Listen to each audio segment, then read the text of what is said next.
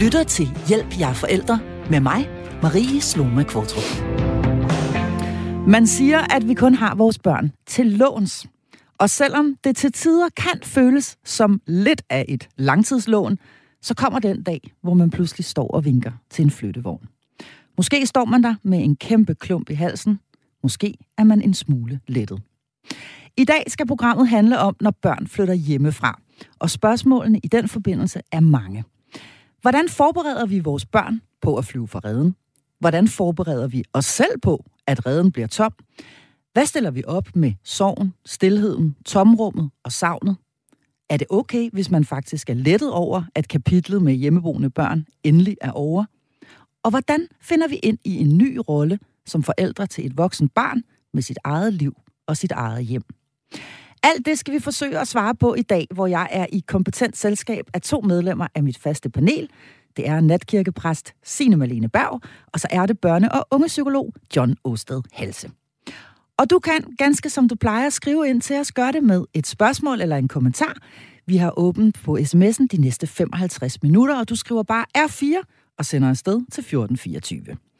Velkommen til Hjælp, jeg er forælder. Og Signe Malene Berg, lad os starte over ved dig. Øhm, fordi, hvad er det overhovedet for nogle følelser, der er på spil, når vi øh, skal slippe vores børn, og de skal flytte hjemmefra? Øh, lidt eller meget af det hele, vil jeg sige. Mm. det er øh, tomhed først og fremmest. Øh, helt bogstaveligt jo fra et værelse, der lige pludselig ikke er beboet på samme måde, og, den der, og så tomhed på den måde, øh, at, at der ikke er lyde, alle de der lyde, man er vant til. Puslen mm. af liv hele tiden. Altså også. stillhed? Stillhed, ja. ja.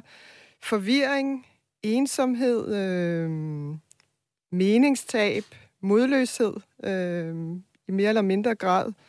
Øh, så meget, at øh, altså, det hele sammen kan, kan vi gerne betegne som en lille sorg. Øh, og samtidig, så er det jo også det er et virvar og en kompleksitet, så der er jo også øh, for mange lettelse og fornemmelsen af frihed og nyt liv, der skal til at begynde, og der kan være glæde og stolthed over, at ens barn nu kan klare sig selv og flytter hjemmefra. Så det er, det er øh, et virvar af, af følelser. Øhm, og det er det, fordi det er en overgangsperiode, en overgangsfase, en af de større, mm. som vi har i livet. Og det er jo en overgang, kan man sige, både for det barn, der flytter hjemmefra og starter sit eget liv, men altså også for os forældre, som ja. pludselig skal ja. finde ind i en, øh, en ny måde at være forældre på, kan man næsten sige, når vi ikke længere har vores øh, børn under samme tag og inde under vores vinger, ja, og... som vi ellers har haft i typisk de der 18-20 år. Ja, og, det, og, vi, og der, der skal vi bare også øh, huske os selv på, at det er jo også noget, der tager tid. Ligesom dengang man fik barnet. Altså hele den der forberedelse, hvis det var, det ikke sådan kom helt uventet,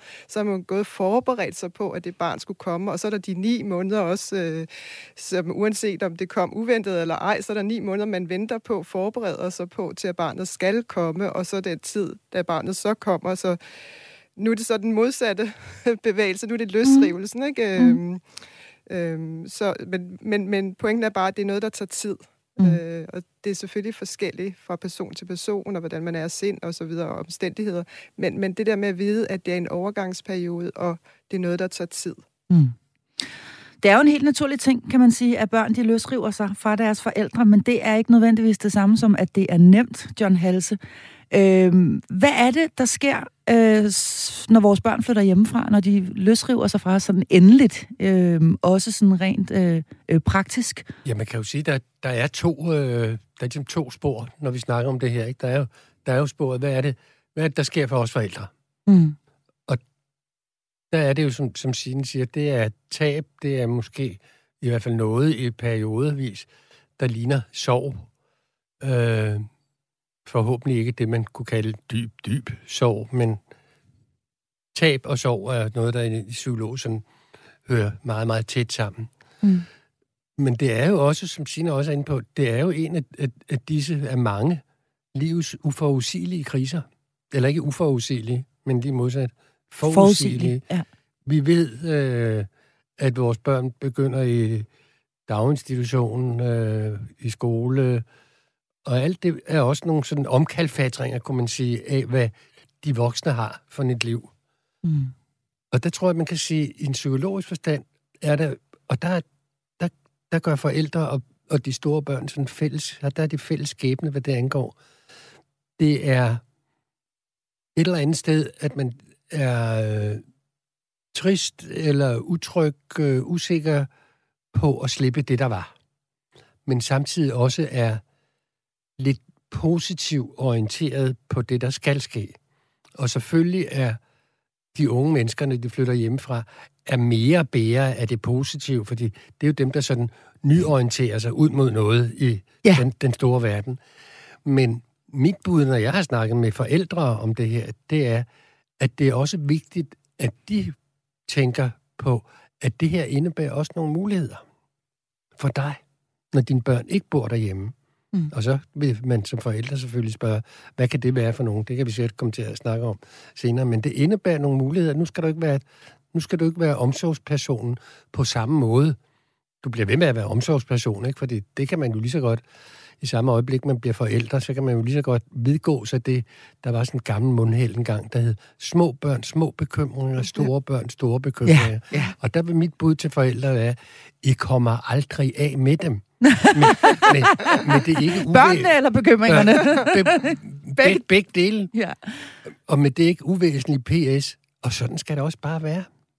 Så det her med, at man jo øh, godt nok slipper dem og lader dem flyve afsted, men øh, ens rolle er jo ikke slut. Den øh, skal muligvis ændres, men den er ikke, den er ikke, øh, man er ikke udspillet, kan man sige. Det er jo ikke sådan, ja. som at nu så går, så går tæppet, og så ses man aldrig mere.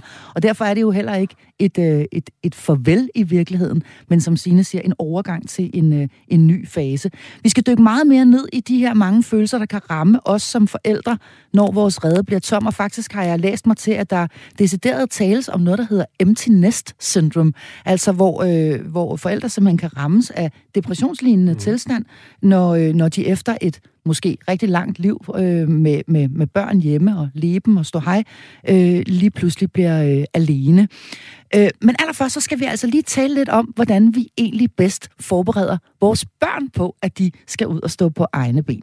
Og den sidste uge, der har man i programmet i øvrigt helt fantastiske Facebook-gruppe kunne komme med input og stille spørgsmål her til panelet. Og prøv lige at høre, hvad en mor hun skriver. Min ældste datter på 16 år truer ofte med at flytte, og jeg har sagt, at det kan hun godt. Vi skal bare lige sørge for, at værktøjskassen er klar. Altså finde bolig, lave et budget, lære at balancere tiden imellem skole, fritidsjob, pligter, venner, spare op til indskud, ønske sig ting til hjemmet til jul og fødselsdag, osv. osv. Indtil nu har det resulteret i, at jeg er en idiot, og så taler vi ikke mere om det. Jeg er nysgerrig på, hvordan vi som forældre bedst ruster vores unge til det liv, der venter dem på den anden side af fraflytningen. Jeg tror egentlig, at jeg vil klare det okay, så fremt jeg ved, at hun har fået de rette redskaber med. Om hun så bruger dem eller ej, tja, det må være op til hende. De rette redskaber, øh, siger denne her mor. Hvordan øh, giver vi vores børn dem? Nu kigger jeg over det på dig, John Halse. Du har jo arbejdet med børn og unge i start, en menneskealder. Det starter man med, når børnene er helt små.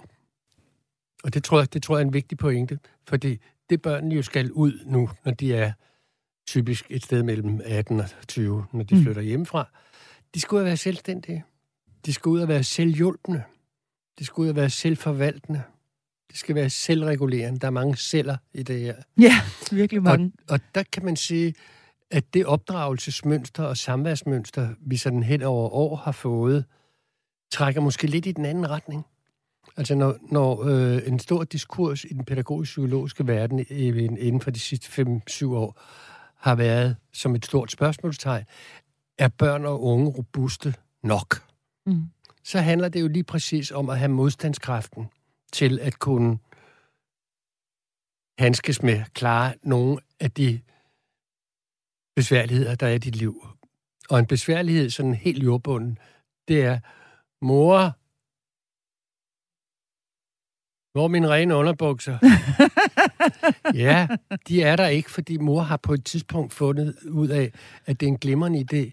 De har lavet en deal ikke, om, at bare du smider dit snavsede tøj ud i øh, kurven, så skal nok vaske Men det skal smides derud. Og hvis ikke man har vendet børnene til, at der er en konsekvens af, at du ikke har smidt det derud, nemlig den konsekvens af, at mor, når datteren eller sønnen spørger, hvor de er henne, siger, man ved det ikke. eller som det hedder på nordjysk, har ikke noget med det at gøre, så, så må man øh, prøve at klare det selv. Mm. Og hvis man skal klare det selv, så bliver det nogle gange sådan the hard way. Kort sagt, min pointe er, det handler om at opdrage sine børn til selvstændighed og ansvarlighed på et så tidligt tidspunkt som muligt.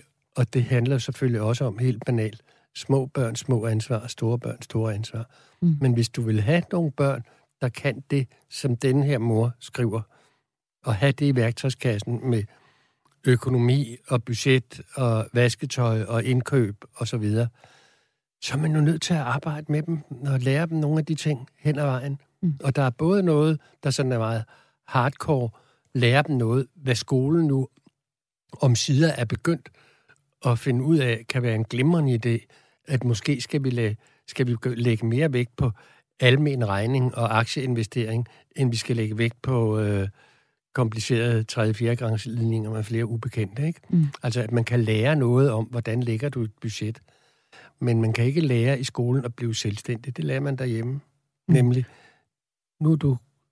Hvornår, hvornår, hvornår er dit barn parat til selv at få, tage, få, få, få øh, tasken frem og bøgerne op? Mm. Hvad er det ellers, øh, Signe Malene Børg? For nu kigger jeg over dig. Det handler om øh, selvstændighed. Det handler også om, at øh, de skal kunne øh, vaske deres eget tøj og en hel masse andre sådan lavpraktiske øh, kompetencer, de gerne skal have med sig, når de ryger ud og starter deres eget liv. Øh, hvad er det ellers, vil du mene som præst, at det er vigtigt, at vi ligesom kan krydse af som forældre og sige, det her, det ved jeg, at de har fået med sig? Altså, der vil jeg der, der bliver det jo nok en tale om værdier. Ja. Øhm, og så også ud fra det sagte, at der har jeg det sådan lidt det der med, at modstandsdygtig øh, øh, robusthed godt kan komme til at lyde som om, at det er sådan meget rigidt og øh, firkantet og kategorisk, og øh, måske også det der konsekvens, som jeg også, hvor jeg sådan gerne måske vil bløde det lidt op, fordi for mig handler, øh, handler det også, robusthed også om noget, altså noget, hvordan, man, hvordan livet kommer til, til en, og øh, det uforudsigelige, hvordan man møder det uforudsigelige og Så, videre. så der er også i den der robusthed, der er det jo ikke at skulle være sådan et, et rør, der ikke kan tåle en, en storm og en orkan. Når livet nu kommer med storme og orkaner, der skal man jo mere være som sivet, der kan bøje sig. Øh, så der er robustheden, den der bøjelighed. Så, så jeg vil gerne bare have det billede ind, også i den der tale om robusthed, at det ikke, mm. at du skal altid tage dine underbukser selv og gå ud og lægge dem i vaskekurven og så videre. Altså, det kan også komme til at stå i vejen for, for trivsel og, og liv. Ikke? Altså, der skal være den der bøjelighed i det, som uh, tilpasser sig de storme, som, der nu kan være omkring en. en. Øhm, så jeg, jeg går meget ind for, at man også er overbærende over for sig selv, og øh, fleksibilitet og så kan man jo tage de, og, ja, så kan man tage de samme underbukser på to dage i træk. Ja, det er det, du mener i virkeligheden? Ja, det er jo ikke, fordi jeg, altså, jeg er jo enig, men det er bare, der mm. skal, det skal ikke blive for den der rigide forståelse af det. Altså, der skal være bøjeligheden, øh, for at det kan godt være, at ens barn har haft en lortedag, og så er det måske der omsorgen er netop at gøre de der små ting, som man ellers i hverdagen siger, det skal du gøre selv. Ikke? Mm. Altså, øhm, så, men det er nok også mere en snak om, om værdier, hvilke værdier... Øh, altså hvis omsorg er en værdi, ikke? Mm. Øh, og næstekærlighed og så videre, så, så, så kan man ikke have det på formel. Altså, så er det hele tiden også at se det andet menneske, hvor det er øh, i livet, og hvor, hvad, hvilken situation det er i. Så er det svært sådan at lave helt faste regler, mm. øh, man kan krydse af. Men at de ved, hvor vaskemaskinen står, og måske også ja, ved, at øh, når man den, øh, øh, så, så skal man lade være at vaske den røde trøje sammen med de, øh, de, de hvide, fordi så, øh, så bliver det altså lyserødt det hele. Så i virkeligheden, er, er du enig, John Halse, i det, Signe altså, Malene Berg siger her, at det, skal, at der skal være, at det skal ikke være rigidt, men at... Ja, men det, er jo, det er jo et spørgsmål om, hvordan man definerer det, fordi der er ingen, som i ingen tvivl om, at i den verden, jeg tilhører, der vil man definere robusthed ikke som stiv robusthed, at du bare skal klare mosten. Nej. Mm. Man vil i højere grad sige det der sådan med et fremmedord her, at du skal være resilient. Det vil sige, du skal besidde evnen til at rejse dig efter tryk. Og det kan forældre selvfølgelig hjælpe ens børn til. Ikke? Altså det er den der med, det er rigtig svært, og det, det kan man også opdrage sine børn til, den tone, fra de er mindre. Det er rigtig svært for dig lige nu, mm. men så hjælp ens børn til at komme på sporet igen. Mm. Min, min 14-årige datter er dybt, dybt ulykkelig over, fordi, over at kæresten ikke vil hende mere. der skal jeg jo ikke bare sige, bare op på hesten igen. Der er, masser, der er masser af fyre. Der skal jeg jo være empatisk, kan man sige, og øh, altså medfølende også, og udtrykke, det er da noget rigtig skrald for dig, og så videre. Men bit by bit, små bidder, prøve at hjælpe hende til at nyorientere sig. Mm. Fordi os, der ikke lige er på den, sådan er det også med de store, dramatiske begivenheder. Folk bliver skilt, øh, ægtefælden dør og sådan noget. Vi ved, at det er for de færreste, det er verdens ende. Vi ved ikke, at de kommer over det, men vi ved, at de kommer igennem det. Men det skal jeg jo ikke sidde og sige. Jeg sidder jo ikke og siger til en mand, der er blevet skilt og er dybt ulykkelig over, at konen er gået. Så sidder jeg jo ikke og siger, bare op på hesten igen, der er kællinger nok derude, du skal bare i, i gang. Mm. Der skal jeg jo sige, det er da rigtig svært. Mm. Hvad siger du, Signe ja, og, øh, at, at det jo også, altså det handler jo om en kærlighedsrelation. Det er jo en af de dybeste og største kærlighedsrelationer, vi har, øh, forældre-barn. Øh, så der er også det der, altså jeg tænker, det der billede af... Øh, af, af et æg med, med kyllingen, der, eller ællingen, der skal ud. Det er sådan en blanding af, at, at øh, øh, forældre, for, hvad hedder det, at moren, øh, hønen, prikker til ægget udefra, samtidig med, at, at øh, kyllingen selv hjælper til indenfra prikker sig ud. Så det er hele tiden den der, ikke for meget og ikke for lidt. Ja. Øh, ja. Det er sådan meget sansende og meget sådan, øh, altså netop kræver, at det er en kærlighedsrelation, hvor man kan mærke hinanden på den måde. Mm. Og der er det jo og altså det heller ikke... Ja, ja, undskyld, John. Og det kunne man nemlig, fordi det, det er et rigtig godt billede, fordi det kan man jo godt folde ud. Sige, ja, jeg hjælper dig, men sådan helt elementært udtryk vil vi også se, men du skal også selv gøre en indsats. Mm. Ja, ja. Du har som forældre en opgave, også når dine børn, i hvert fald i den fase, lige hvor de flytter hjemmefra, der, skal, der er du en stor aktør i at tilvejebringe de rammer, hvor i barnets nu fremtidige selvstændige liv mm. kan foregå. Mm. Men det, der var min pointe, det var, at vi måske var tilbøjelige til at demontere vores børns evne, hvis vi kommer til at overgøre det. Altså til at nu har vi hængt os meget vasketøj, ja. altså hele tiden ordner deres vasketøj. Ja, men, altså, over, men vasketøjet kan i virkeligheden også forstås øh, øh, ja, i, i mere overført ja. betydning. Ja. Vi har faktisk fået en hel masse sms'er ind her på 1424, og jeg skal lige skynde mig at sige, at du, der lytter med, også er hjertelig velkommen til at smide en af sted. Du starter bare med at skrive R4. Der er en her, der øh, lyder sådan her. Det må da ikke være en sorg, når børnene når en vis alder og flytter hjemmefra. Nu skal mange forældre altså tage sig sammen og opføre sig voksent. Der er ingen voksne børn, der bryder sig om at se på flæbende, jamrende og barnlige forældre, der ikke har opdraget børnene til at klare uh-huh. sig selv. Øh, og så helst ikke mere underbuksesnak nu, skriver Inger her. øh, men altså, øh, hvad, hvad vil I sige til det, kære panel? Det er altså børne- og ungepsykolog John Halse og natkirkepræst Signe Malene Berg, der er med mig her i dag.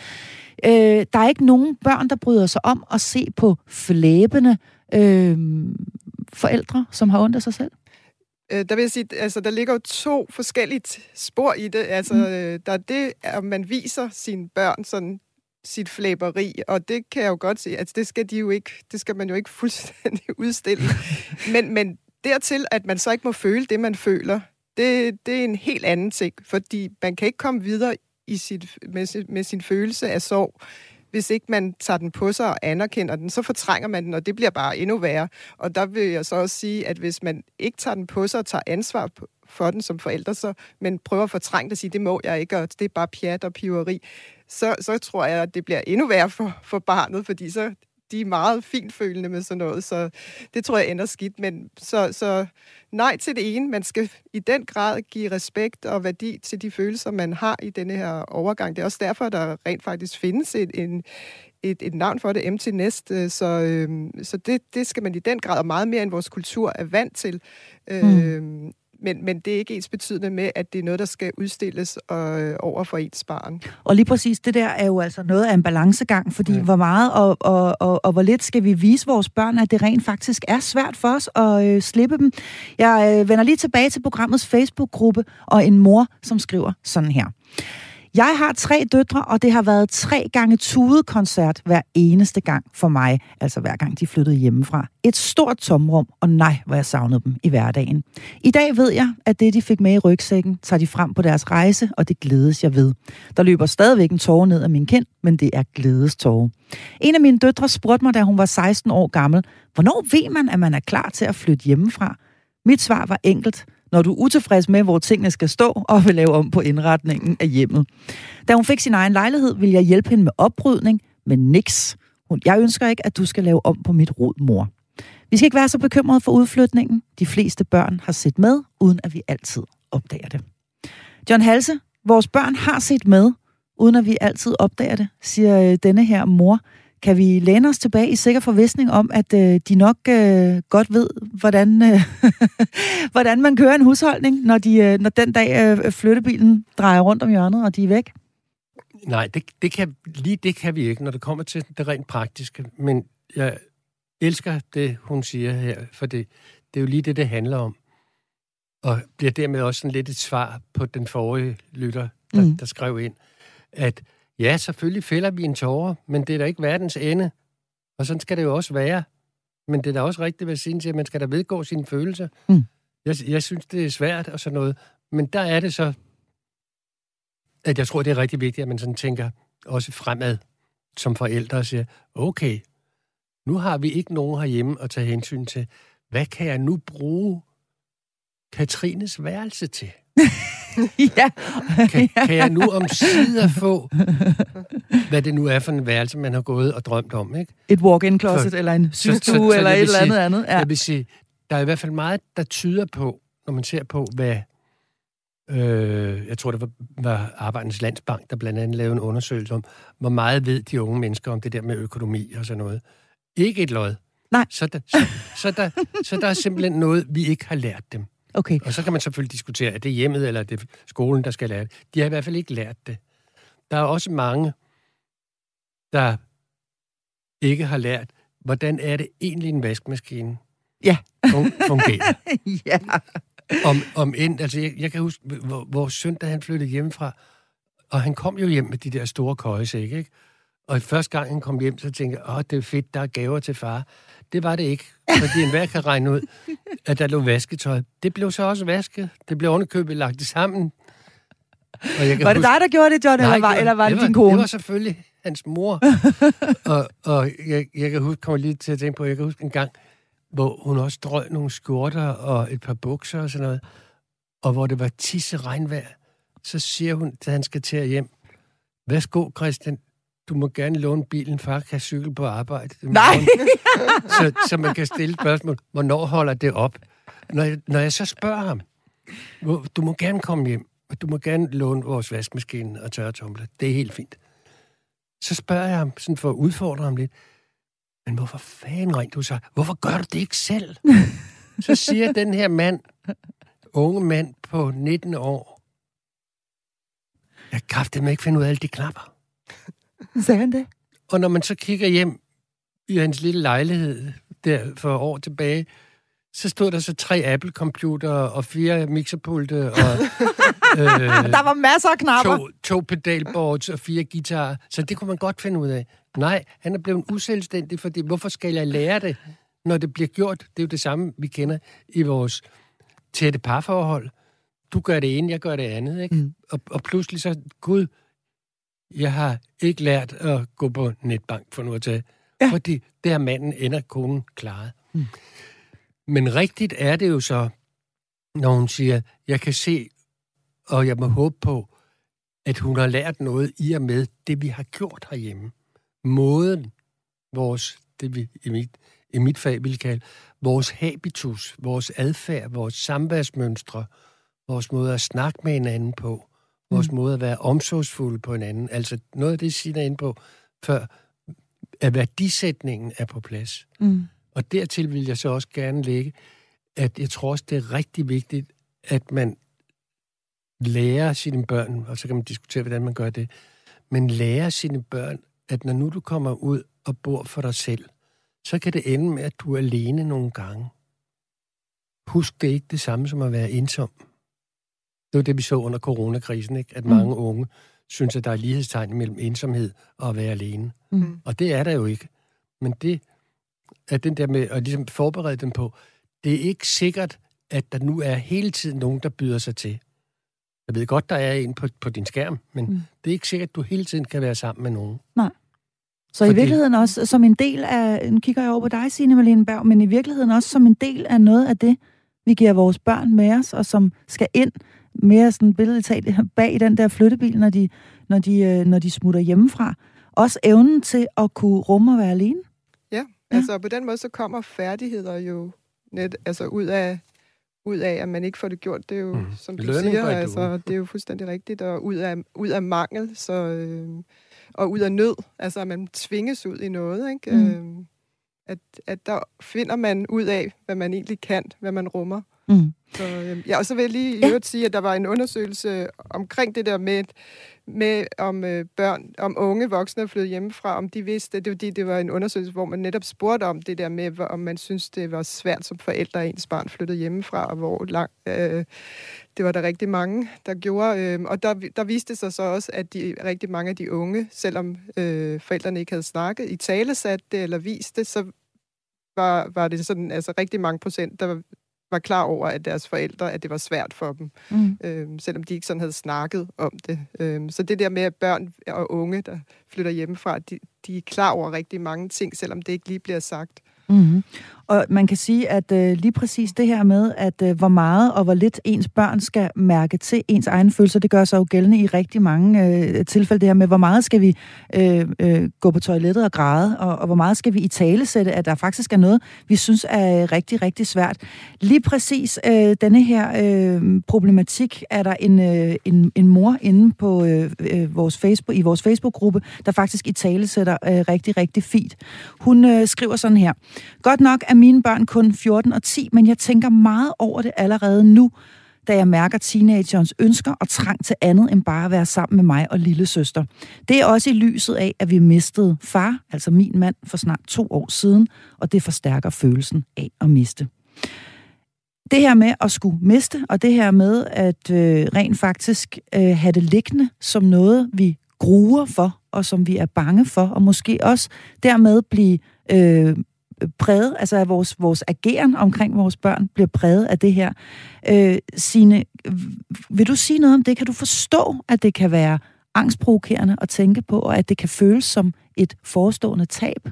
Øhm, jamen, jeg tror ikke bare forstå, altså det, det er mm. sådan, fordi mm. det er jo at begive sig ud på ukendt farvand. Altså, man, det, det som en sagde, det er en god dag til en masse forvælder, det her, når ens barn flytter hjemmefra. Øh, også præster, vi plejer at sige, at konfirmation, det er der, hvor at forældre, det går op for forældrene, at nu er de blevet voksne, nu er de ikke unge længere. Og vi mangler et ritual for denne her overgang. Øh, øh, men, men det er jo der, hvor I, altså, at, at lige pludselig, så, så er det også et strømme, der lige pludselig, at man skal til at sige farvel til, fordi nu, nu begynder man sådan at kunne se, at at livet faktisk har en udløbsdato, og, og, og det her kapitel, det her nye kapitel, øh, ved man ikke. Man ved ikke, hvordan det skal forme, så man kender ikke sig selv i det. Øh, altså, det hele er nyt. Øh, så der, der er tab af mening og identitet, så man skal til at finde ud af, hvad det her tomme rum skal udfyldes med, eller hvad der vil vise sig i det. Mm. Øh, hvor det så også er altså et vindue, der kan åbne sig, og det er jo det, det der sker for de fleste, langt de fleste jo. Men, man, man, men det er ukendt farvand. Man kender ikke sig selv, og man skal til at finde sig selv, og lige pludselig bruge tid på sig selv, som jeg jo ikke har øh, haft tid til før.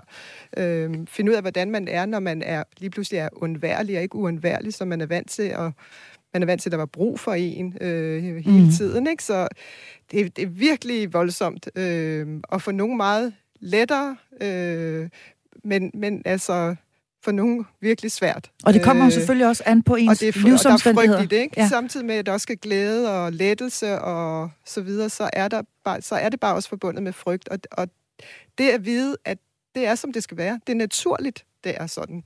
Det, det kan lette meget. Øh, Men det er noget, som... Det, det er også naturligt, at man øh, afleverer sit øh, barn i institution. Det kan diskuteres. Men der er jo ja. mange ting i forbindelse med forældreskab, hvor man får at vide, at det er naturligt, men hvor det bare føles naturstridigt alligevel. Altså, at det bare simpelthen øh, øh, i bund og grund men, øh, føles helt forkert. Men man kan sige, til forskel fra det der med, som jo virkelig kan diskuteres, i hvert fald ud fra den det parameter, der ja, hedder ja. naturligt. Ja. Altså anbringe sit barn i en dagpleje eller en vuggestue. Ikke? Så må man sige, der er to ting, som er dybt naturligt. Det er at blive forældre. Det er at blive fjernforældre. Fjernforældre? Altså det at... at jeg er forældre. Nu, nu, nu mm. bliver jeg forældre. Mm. Der er også tale om muligheder for nyt liv og nyt indhold i livet. Men der er så sandelig, og det er der skrevet tykke bøger om, der er så sandelig også tale om tab, mm. når du bliver småbørnsforældre. Og nogle oplevelser af, og deraf nogen, der ryger ud i depression, oplevelser af, at det var ikke lige, som jeg regnede med. Mm. Og det, jeg så sidder her og opfinder som begreb, fjernforældre, det, det er, når jeg bor i Farum, og mine børn bor i Aarhus. Ja. For eksempel. Ja. Så er jeg fjernforældre. Du er stadigvæk forældre. Du, som jeg sagde tidligere, du slipper aldrig af med det. Nej. Men der er nogle paralleller i de to livssituationer. Nemlig det uforudsigelige, fordi selvom der sandelig også bliver skrevet tykke bøger og udgivet hæfter og websites om at blive forældre, så kan man ikke forberede sig 100% på det. Du kan ikke læse dig til det. Du kan heller ikke læse dig til, hvordan er det, når Maja er flyttet hjemmefra. Mm. Jeg skal opleve det. Mm. Man kan ikke tænke sig igennem det. Man kan ikke det tænke sig igennem, igennem det. Nej. Det er ikke nok. Og så skal man vedgå sig, at af, det gjorde måske nok lidt ondt. Og så er der en vigtig pointe i det, som en af de tidligere lytter var inde på. Man skal selvfølgelig ikke tørre sin øh, tristhed af på sine børn. Nej, og det var faktisk lige præcis det, jeg godt kunne tænke mig at vende tilbage til. Mm. Det, det her med, at, at vi jo øh, naturligt, og det starter jo øh, allerede for de relativt små, mm. begynder at, at, at, at gå mere og mere ind på værelset og lukke døren, man kan sige. Denne her løsrivelse eller adskillelse, den bliver, øh, den bliver øh, større og større, der kommer mere og mere af den, jo ældre de bliver. Øh, de kommer også til at gå ud om aftenen, og det ender med, at de først kommer hjem næste morgen, nogen får kærester osv. Vi skal undvære dem mere og mere. Så adskillelsen er jo en glidende overgang, kan man sige. Spørgsmålet er, når vi savner dem, for eksempel. Jeg skrive fat i det, fordi det er jo reelt det, det kan jeg i hvert fald mærke på mig selv, når jeg tænker på det, og jeg har en datter, der bliver 18 her med et par måneder, som er begyndt at tale om, når hun skal flytte hjemmefra, hvilken farve skal være, væggene skal være, osv. Så, så kan jeg mærke, at det især savnet, der fylder hos mig. Øh, for jeg har øh, en masse andre børn boende hjemme stadigvæk, men det at skulle undvære hende, altså det ikke at skulle se hende hver morgen, eller kunne, øh, kunne øh, høre hende grine, eller simpelthen bare være sammen med hende. Så det, det er savnet, der fylder. Hvor meget skal vi som forældre, mens de stadigvæk er hjemme, i tale sætte, ej, hvor kommer jeg til at savne dig? Hvor bliver det bare, hvor bliver det hårdt? Hvor bliver det mærkeligt? Eller, øh, at, hvor, altså, øh, skal vi, skal vi overhovedet tale om det? Altså, det, det vil jeg til enhver tid sige, men jeg vil nok hvis det er mig selv, så vil jeg nok overveje sådan at dæmpe min udtryk lidt. Jeg tror ikke, at jeg vil sige, ej, hvor bliver det hårdt. Nej. Og jeg bliver enormt ked af det. Og jeg sidder ude på lokum og græder to gange om dagen, og så videre. Men jeg vil bestemt sige, det bliver vildt mærkeligt. Ja. Og jeg kommer der til at savne dig. Ja, mm. så det må man gerne. Så, så, ja. så du må sige til mig, hvis det bliver for meget, hvis jeg ringer i tide og utide. og det gør jeg. Og, og der, for, det kan, for det kommer jeg sikkert til. Og der har langt de fleste forældre, vi snakker jo ikke om småbørn, vi snakker om nogen, der er unge Voksne, mennesker, ja. de er 18-20 år ja. øh, her, ikke? som er helt med på, hvad det er, der er i spil. Mm. Og som også vil sige, fordi sådan er relationen mellem langt de fleste børn og forældre jo også, at de vil jo også sige, altså jeg kan da høre, at begge mine børn vil sige, far, hold nu kæft. altså, altså, og, lige på den, og lige på den måde, ikke? Fordi, hold nu kæft, vi er lige over på den anden side, ikke? Altså, så er det heller ikke værre. Mm. Og vi ses her om 14 dage, eller hvad det nu er, ikke? Mm. Men selvfølgelig skal man da sige, det er da, det er da vildt underligt, fordi nu har, nu har der altid været her. Og så får man en dialog med sin unge om, øh, at øh, det synes han eller hun garanteret også. Mm. Det er da vildt mærkeligt, at der ikke er nogen, der siger, hej Maja, nu skal du op. Øh, ja. altså, alle ja. de der rutiner, som børn har været vant til, siden de har været helt små. Så Signe Malene Berg, vi må gerne øh, tale med, med vores børn om, at øh, det skal nok blive godt det her, og tage med dem ud i IKEA og se på den der sofa, men også, vi må også godt sige, at ej, hvor kommer jeg til at, hvor kommer jeg til at savne dig. Øh, der, det er vel en, en hårfin balance i virkeligheden, eller hvad? Fordi yeah. hvornår, hvornår begynder vi at lægge et, øh, i virkeligheden et regulært ansvar over på deres skuldre for, at nu bliver mor rigtig ensom, når du smutter fra mig? Altså, hvor, hvor, hvor, går, hvor går grænsen? Kan man sige noget om det? Jeg ved godt, det er et altså, svært spørgsmål. Det er i hvert fald klart, at, at, at øh, forældrens trivsel er ikke noget, der skal tøres af som barnets ansvar. Nej. Så øh, altså, det er simpelthen bottom line. Ja. Altså, øh, ja. Sådan er det. Men, men så er det jo vigtigt, det der, fordi det jo netop også er, at det er jo også svært for den unge, måske. Altså, der er jo også helt den side, nu snakker vi jo om forældrene, men det der kæmpe skifte, det også er øh, for, for den unge. Altså, øh, mm. så, øh, så, så ja, det skal da i tale sættes på den måde, man nu taler sammen i det, i det pågældende relation. Ikke? Det er jo også forskelligt fra barn til barn osv. Bjarne Reuter, forfatteren, der har faktisk en, en vidunderlig kronik, øh, som er i den der bog, der hedder Kunsten at give slip, når, når børn flytter hjemmefra. Øh, hvor at øh, han snakker vist ikke sådan om det til sin datter, der flytter hjemmefra, men selvfølgelig man sådan har man beskriver, hvordan det der at, at datteren ringer bare ikke, og, og det der, så tager, han, så tager han hen der, hvor hun er flyttet hen, og står så nede om hjørnet, og går lidt rundt, og så videre. Så den der dag, da det, hun endelig inviterer dem til middag, og så kommer de, og det der med, øh, skal de have blomster med, og sådan, altså han, det hele hans verden er bare vendt på hovedet med, hvordan han skal forholde sig til det der, til det, den her, det her skifte. Og, og så da de stiger ud af bilen og skal op i lejligheden, så kommer der en besked om, at øh, de skal ikke komme alligevel, for der er lige kommet fem venner på besøg, så, øh, så det må blive en anden dag med den middag der. Altså, det, han, han og de har glædet sig helt så vildt. godt, og det er det der, hvor at det netop ikke er, at, at de har talt om det, men alle de følelser og, men det, konkrete men det, ting, han går med. Ja.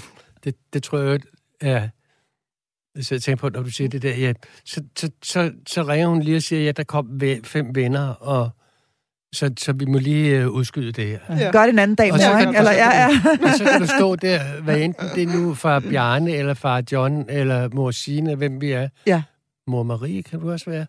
Kan vi stå der og føle os udrangeret. Ja. Vi, vi kom virkelig ned af hitlisten her, ikke? ja. det, det er sådan, det er. Ja. Men, men det er vil, det jo men også. Men jeg vil så ja. også sige, det kan man også vende som forældre til noget positivt. For det, lurer mig om ikke, selvfølgelig på et ubevidst plan, ligger der under det, at min, set fra den unges perspektiv, min relation til de gamle er så god og stabil, så det kan sgu godt holde til, at vi udsætter det nu. Så det men, er i virkeligheden ikke så tosset? Men jeg tør ikke sige nej til vennerne. Nej, det, så det er i virkeligheden ikke så tosset? De, de ved, at de, øh, skal man tage en negativ formulering, de ved, de slipper aldrig af med os. Nej, Eller sagt på en anden måde, de ved, at vi slipper ikke dem. Nej, vi, er, så... vi er der altid som backup. Og sådan skal ja. det i virkeligheden være. Så det, ja. så, så det gør ikke så meget. Det her med, hvordan vi skal forholde os, når de først er flyttet, hmm. det skal vi tale om nu. Du lytter til Hjælp, jeg er forældre. Ja, jeg har altså i dag kompetent og rigtig dejligt selskab af to faste medlemmer af mit panel. Det er børne- og ungepsykolog John Halse, og så er det natkirkepræst Signe Malene Berg. Og vi taler om øh, det her med, når børn flytter hjemmefra, og at det faktisk godt kan være rigtig svært at finde sig til rette i, øh, i en, en ny rolle. John har opfundet et nyt opt- øh, udtryk i dag. Han kalder det, at, at man nu skal til at være fjernforældre. Ja. Det tror jeg, der skal optages i øh, den danske ordbog. Og vi taler altså lige nu om det her med, hvordan vi egentlig forholder os. Fordi på den ene side set, så kan der være et enormt savn. Vi mangler dem. Vi vil gerne se dem. Vi vil også gerne høre, hvordan det går. Måske også lige øh, høre, om de nu har fået noget at spise. Øhm, og på den anden side set, så er vi jo også godt klar over, at de nu har deres eget liv. Og i vores øh, fantastiske Facebook-gruppe, der kom der øh, et øh, indlæg her i løbet af ugen, som jeg lige vil læse højt nu. Det lyder sådan her. Jeg har vinket farvel til den ældste i sommer, da hun og kæresten flyttede i fælles lejlighed. De klarer det super fint, så bekymringerne fylder ikke. Det har dog været super mærkeligt at besøge sit barn, kramme hende farvel, øh, besøge sit barn og kramme hende farvel, når hun skulle hjem. For hjem føles stadigvæk for mig som hjemme hos mig. Jeg har ikke grædt og været trist, men jeg savner hende og nyder det sindssygt meget, hver gang vi ses. Det er en helt naturlig proces, der på mange måder føles unaturlig. For det er da bare rarest, når ens børn er tæt på, og man kan følge med i, hvordan de går og har det. Heldigvis er det jo en proces, der kommer løbende. Som teenager trækker de sig jo mere og mere, trækker de sig mere og mere fra os, og det kan faktisk være sjældent, man ser dem, selvom de bor hjemme. Så når de endelig tager skridtet, føles det jo ikke lige så mærkeligt og tomt, som hvis de pludselig flyttede hjemmefra i en alder af 8, lige efter de havde ligget tæt med os og set Disney-show. Men noget, jeg ofte tænker over, er, hvor meget jeg skal ringe. Jeg vil jo ikke være klæbende mor, der ringer flere gange om dagen, men jeg vil jo heller ikke være moren, der aldrig ringer. Og her gad jeg godt høre nogle erfaringer. Så denne her, øh, det her indlæg, som jeg simpelthen synes er så fint, fordi det rigtig præcist beskriver en mors øh, kærlighed. Vi vil vores voksne børn det bedste. Vi respekterer, at de nu har deres eget liv, men vi savner dem også. Øhm, lad os prøve at gribe øh, ned i noget meget konkret her i forhold til at finde balancen. Hvor meget skal vi ringe til dem, når de er flyttet hjemmefra? Har I noget bud på det? Nu kigger jeg over på dig, Signe Malene Berg. Øh, jeg ved, din søn han kun er 10. Der er mange år endnu, til han flyver ja. fra redden. Men har du noget bud på, hvad du selv vil gøre i sådan en situation? Hvor, hvor meget vil du ringe til ham? Jeg tror nok, jeg vil blive være for meget i første omgang, fordi det er den måde, man sådan kan mærke, altså i hvert fald det er den måde, jeg sådan øh, fornemmer, øh, hvor vi er henne mm. i relationen. Så hvis jeg, jeg vil nok begynde at ringe, og måske også finde på det der med at ringe og sige, øh, om, om altså, man kan finde på en måde at være sammen med, altså foreslå nogle konkrete øh, nye rammer, altså om man skal ses en gang om måneden til middag, eller gå nogle øh, på museum, eller hvad man nu, hvordan relationen nu er, hvad man interesserer sig for. Så det der med at være sådan, komme med nogle forslag til, hvordan man kan få en øh, ny praksis omkring det at, at være sammen, øh, nogle nye aftaler, fordi nu skal man jo til at aftale det. Øh, så, så jeg vil nok hellere være lidt for meget, og så trække tilbage sådan ret ind efter det, end, end den der gå, hvor det er helt tavshed og ingenting. Altså, ja, fordi man kan sige, det kan jo nemt uh, misforstås det her med, ja. jeg, jeg har selv oplevet det som noget et kultursammenstød, fordi jeg, jeg kommer fra en familie, hvor der er blevet ringet meget. Især ja. er jeg vokset op med en farmor, som ringede hver dag, og som havde styr på, hvad vi alle sammen spiste, og mm. øh, hvordan det gik med den tyske stil, vi har fået tilbage, og så videre. Altså det, som nogen vil betegne som værende alt for meget, mm. øh, til at, at, at møde en, en mand, jeg giftede mig med, som kom fra en helt anden øh, familiekultur, hvor man, øh, hvor forældrene simpelthen øh, fordi de synes, at det var det, der var det øh, mm. respektfulde, mm. øh, at vi skal jo ikke blande os, og vi vil jo ikke mase os på, for nu er I jo voksne og har jeres eget liv, så meget, meget lidt øh, kontakt. Øh, er, er det for meget og for lidt, John Halsen? Nu ja, kigger jeg over på jeg dig synes, i forhold til, jeg, jeg, hvad, hvad, synes, hvad barnet synes, eller det, det synes, voksne det er menneske. Rigt, det er rigtig svært at svare entydigt på. Mm. Øh, altså, man kunne sige, der kunne komme sådan et kontant spørgsmål hvor mange gange må jeg ringe til mit barn om ugen? Ja, for eksempel, ikke? præcis. Der vil jeg sige, det kommer an på, hvem du er, hvem dit barn er, og hvad det er for en relation, I har haft, inden dit barn flyttede hjemmefra. Mm. Øh, for det, det, jeg synes er for meget, øh, kunne passe som hånd i handsk til en anden familie, øh, at øh, det, var, det var det, man gjorde. Mm. Altså, og man skal jo huske, uanset, selvom man har haft den samme kultur i sin familie, og måske har flere børn, så tror jeg, det er vigtigt at tænke på, der er ikke to børn og to sæt af relationer, der er ens. Altså, jeg har en datter, hun ringer, eller jeg ringer, i hvert fald en gang om ugen. Mm. Så har vi en søn, han ringer minimum én gang om dagen til os. Så det er den anden vej rundt at relationerne simpelthen også det, bare er det forskellige. På, hvad, det, hvad ja. det er for nogle relationer, og hvad det er for nogle, hvad det er for nogle behov, der er, både hos os og hos vores børn. Mm. Og så gælder det vel også om, hvad det er for en periode, kan man sige, de tror, er i deres liv, ja, om man, klart, hvor tæt man har, har brug for tror, at have dem. at man må tænke det her, ligesom man gør i forhold til et forældreskab, når man har hjemmeboende børn. Hvad er en god forældrekompetence, for eksempel? Ikke? Altså, der, der er mange pinde i det, ikke? En ingrediens i hvert fald er, at man kan tilsidesætte sin egen behov og lade barnets behov komme først. Okay. Det vil sige, om du skal ringe eller ej, skal i al overvejende grad være styret af, hvad har dit barn lyst til? Også selvom og det barn børn, er voksent? Børnene skal jo ikke være bærere af tilfredsstillelsen af vores behov. Skal de ikke det? Nej. Nej, okay. Så hvis jeg har et behov for at vide, at nu, nu, nu siger vi, at jeg har en datter, der er flyttet hjemmefra. Hvis jeg har, har jeg kan simpelthen mærke, at jeg har behov for at vide, at hun er okay. Ja, altså, så, ring, så ringer du da til hende, ja. og, så, og så har du da forhåbentlig vil jeg sige en relation til din datter, der lige præcis siger, hold nu kæft, mor. Eller også lad de være at tage den. jeg har det fint, ja. Altså det, og, og i dag er det jo så heldigt, at vi kan se, hvem der ringer. Ja, så og, man kan... og man kan ignorere opkald og så Ja, det er det. det, er det. Signe Malene Jeg tænker også, at, at det er jo... Øh, altså, man bliver jo også ved med at være ansvarlig på den måde, efter barnet flytter hjemmefra, at man skal jo også hjælpe barnet til til den nye relation til sig selv, altså øh, for barnets skyld, altså, eller nu er det jo så den unges skyld, altså det der med, at det bliver en, går, går til at være en mere horisontal relation. Man bliver aldrig ja. på den måde venner og veninder og så videre. Det, det er hele tiden på den måde et ulige forhold, men det er jo mere at skulle etablere et nyt kapitel, der hedder, at de også skal til at se en som et voksen menneske. Altså jeg kan huske i vores, det, i vores familie det der med, at man kunne ikke bare begynde at altså, blive ved med at tale til sine forældre på samme barnlige måde. Altså, det blev på en eller anden måde også sådan lidt uforskammet, altså, øh, når man var blevet voksen. Altså, øh, man kan ikke bare tiltale og forvente de samme ting af ens for, øh, forældre, som da man boede hjemme. Så, så der er forældrene også den, der sådan lidt skal danne barnet som den, der er blevet øh, der er flyttet hjemmefra, til den her nye relation. Og, og der, bliver, der bliver man nødt til at være den aktive øh, i de fleste tilfælde, tror jeg, fordi det ved barnet ikke selv, hvordan de skal etablere. Så øh, ligesom at øh, undersøgelser fra Aalborg Universitet viser den gode overgang i denne her forbindelse, at jo mere aktiv forældrene er i den der med at flytte hjemmefra proces, jo mere livsduelige øh, børn får du, øh, eller unge, får, unge børn får du, jo, der tror jeg også, at, at vi skal ture tage det ansvar på os som forældre, når børnene flytter hjemmefra, at være dem, der kommer med initiativet og, og, og begynder at komme med nogle forslag. Er lidt mere aktive der.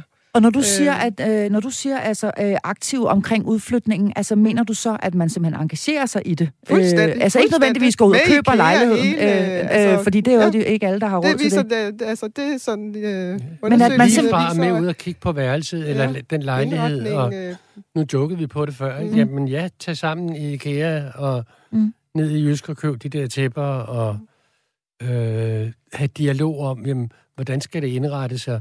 Jamen, jeg synes, den der skal være nukafarvet eller et mm. eller andet. Og så, så, så engagere sig. Engagere ja. sig og være den gode, i positiv forstand, udfordre en forælder siger, er du sikker på, at den farve er god på så stor en flade, eller hvad det nu kunne være for noget. Ikke? Prøv at sidde i den sofa. Kan du, kan du overhovedet... Den, den ser rigtig lækker ud, men kan du overhovedet sidde i den? Hvorfor er det vigtigt, John Halse? Hvorfor, hvorfor Fordi er det vigtigt? Så viser at... jeg en interesse, og så er vi, så er vi på vej hen imod det, som, som sin synes jeg så godt var inde på, det der med, at vi bevæger os fra den vertikale til den horisontale relation. Eller sagt på en anden måde. Da vi er sammen med vores børn, og børnene er mindre, så er forældrene og børnene, de er ligeværdige. Nu begynder de også at blive ligestillede, fordi nu har du din egen business. Du kan gøre sådan set, hvad du vil, mm. uden øh, min indflydelse. Men det, der er forskellen på mig som forældre og alle andre voksne i forhold til mine børn, det er, som det hed i en gammel Ben i King-sang, Stand by me. Jeg yeah. står der. Yeah. Du kan være sikker på, at jeg er din backup hele tiden. Jeg kom til at tænke på et sted, hvor der tit kommer flimmer på den der med, at vi nu ligeværdige og også blevet ligestillet. Det er, når der sker det der skift i vores juleaftener nu vil min datter holde juleaften. Ja. Men det er jo min aften. Ja. ja. Og når jeg så kommer til juleaften, og man kommer til juleaften, og især de første par gange, det sker, hos sine voksne børn, der har deres eget, så skal man godt nok som forældre mobilisere meget kraft og saft for ikke at begynde at blande sig i andet end det, jeg har fået lov til at blande mig i. Mm. Jeg kunne have fået lov til at blande mig i, at det er mig, der skal lave Rizalamangen, ikke? Men ja. ellers, ellers skal jeg holde fingeren for fedt, for og det, er vel i det er street. Men det er vel i virkeligheden det samme med en helt almindelig middag en uh, onsdag aften, hvor man så bliver inviteret op til sit nu ja, uh, hjemme, uh, uh, uh, hvad hedder det, udeboende barn, ja. uh, at man uh, faktisk uh, siger, når nu er jeg gæst her, og nu er det hende, der styrer ja. slagets gang. Så nu skal jeg ikke stå ude og ja. lave sovsen ude i køkkenet, medmindre hun ligefrem uh, beder mig om det. Vi, uh, ja, hvad vil du sige? Ja, jeg kom bare til at tænke på, uh, at, at det, der er noget, på den måde virkelig noget dybt ur naturligt øh, i det der med, at det, det går til den øh, horisontale, altså man går ja, ja. fra ligeværdigt til mm. lige stillet. Fordi man, man, det er jo også en dannelse af ens barn til at være voksen til den dag kommer, hvor de skal være, altså hvor man lidt bliver barn igen som gammel, som gammel, hvor de skal tage sig af en og virkelig være den voksne. Så hvis de ikke har kommet igennem den modningsproces, så bliver det virkelig hårdt for dem den dag, man lige pludselig sidder som dement eller mm. et eller andet, ikke? Øh, og hvordan de så skal være. Så, og, og det er jo et eller andet på tværs af kulturer, tror jeg. Der er vi nødt fingrene nede, dybt nede i jorden, øh, i noget ur. Ja, i noget øh, fælles menneskeligt øh, der. Hvis vi lige skal nå at komme her på falderæbet, hvor vi jo altså desværre nærmer os afslutningen på programmet. Tiden flyver afsted i godt selskab. Men hvis vi lige skal øh, komme med sådan helt konkrete gode råd her til sidst til dem, der måske står der nu. Måske er det denne her mor, som skrev så fint på Facebook før, at hun ikke helt ved, hvor meget hun skal ringe og så videre. Er der nogen sådan meget konkrete tiltag, man kan hive op af hatten, hvis man går og savner sit øh, barn, der er flyttet hjemmefra, egentlig gerne vil ses lidt mere, øh, men også er usikker på, øh, hvordan rammerne omkring det skal være. Hvad kan man gribe ud efter? Du nævnte før, Signe Malene Berg, månedlige middag, eller... Øh, nu, altså... Ja, altså jeg har øh, en veninde, hvor at den ene barn, der er det sådan meget altså, nogle praktiske ting, altså at kunne lave nogle praktiske ting sammen, øh, hvor at det, det andet barn, der er det mere sådan øh, at gå på café sammen, eller sådan mere sådan snakke-snakke mm. tingene, så... Men det der med at, at finde nogle konkrete aftaler øh, på den måde. Der. Skal de ligge øh, fast? Fordi tiden går hurtigt. Unge mennesker i dag har travlt. De har studier og jobs og øh, ja. Øh, dates og hvad ved jeg. Er det en god idé, John jeg Halse? Tror, jeg her? tror, man er nødt til at lægge det fast, fordi vi har ikke den der gamle borgerfamilie mere, vel? Nej. Hvor vi bor tæt på hinanden, og hvor der er en tradition for, at vi mødes hver søndag og spiser frokost. Så, sådan ser det ikke ud mere. Så, så hvis man vil ses, jamen, så, så skal man sige, jamen, øh, vi eller I kommer, om det så er hver uge, hver anden uge, en gang om måneden. Øh, det kan også være, at vi mødes på en café. Dertil vil jeg så også som råd give, hvis du har det sådan som forældre er usikker, så snak dog med dine børn om det. Mm. Så man kan simpelthen gøre det? Ja, godt. Altså fuldstændig som, som hvis du synes, nogle venner, du holder af, er ved at forsvinde mellem fingrene på dig, så, så, så vil jeg da også sige, kontakt dem og sige, hey, skal vi ikke ses? Ja, jeg savner ja. dig. Ja. ja. Det er okay at sige det. Vi er desværre nødt til at runde af øh, i dag. Øh, emnet her, det var, når børn flytter hjemmefra. Og øh, jeg var i ualmindelig godt selskab af børne- og ungepsykolog John Åsted Halse og natkirkepræst Signe Malene Berg. Begge medlemmer af mit faste panel. Mit navn er Marie Sloma Kvartrup. Tak fordi du lyttede med.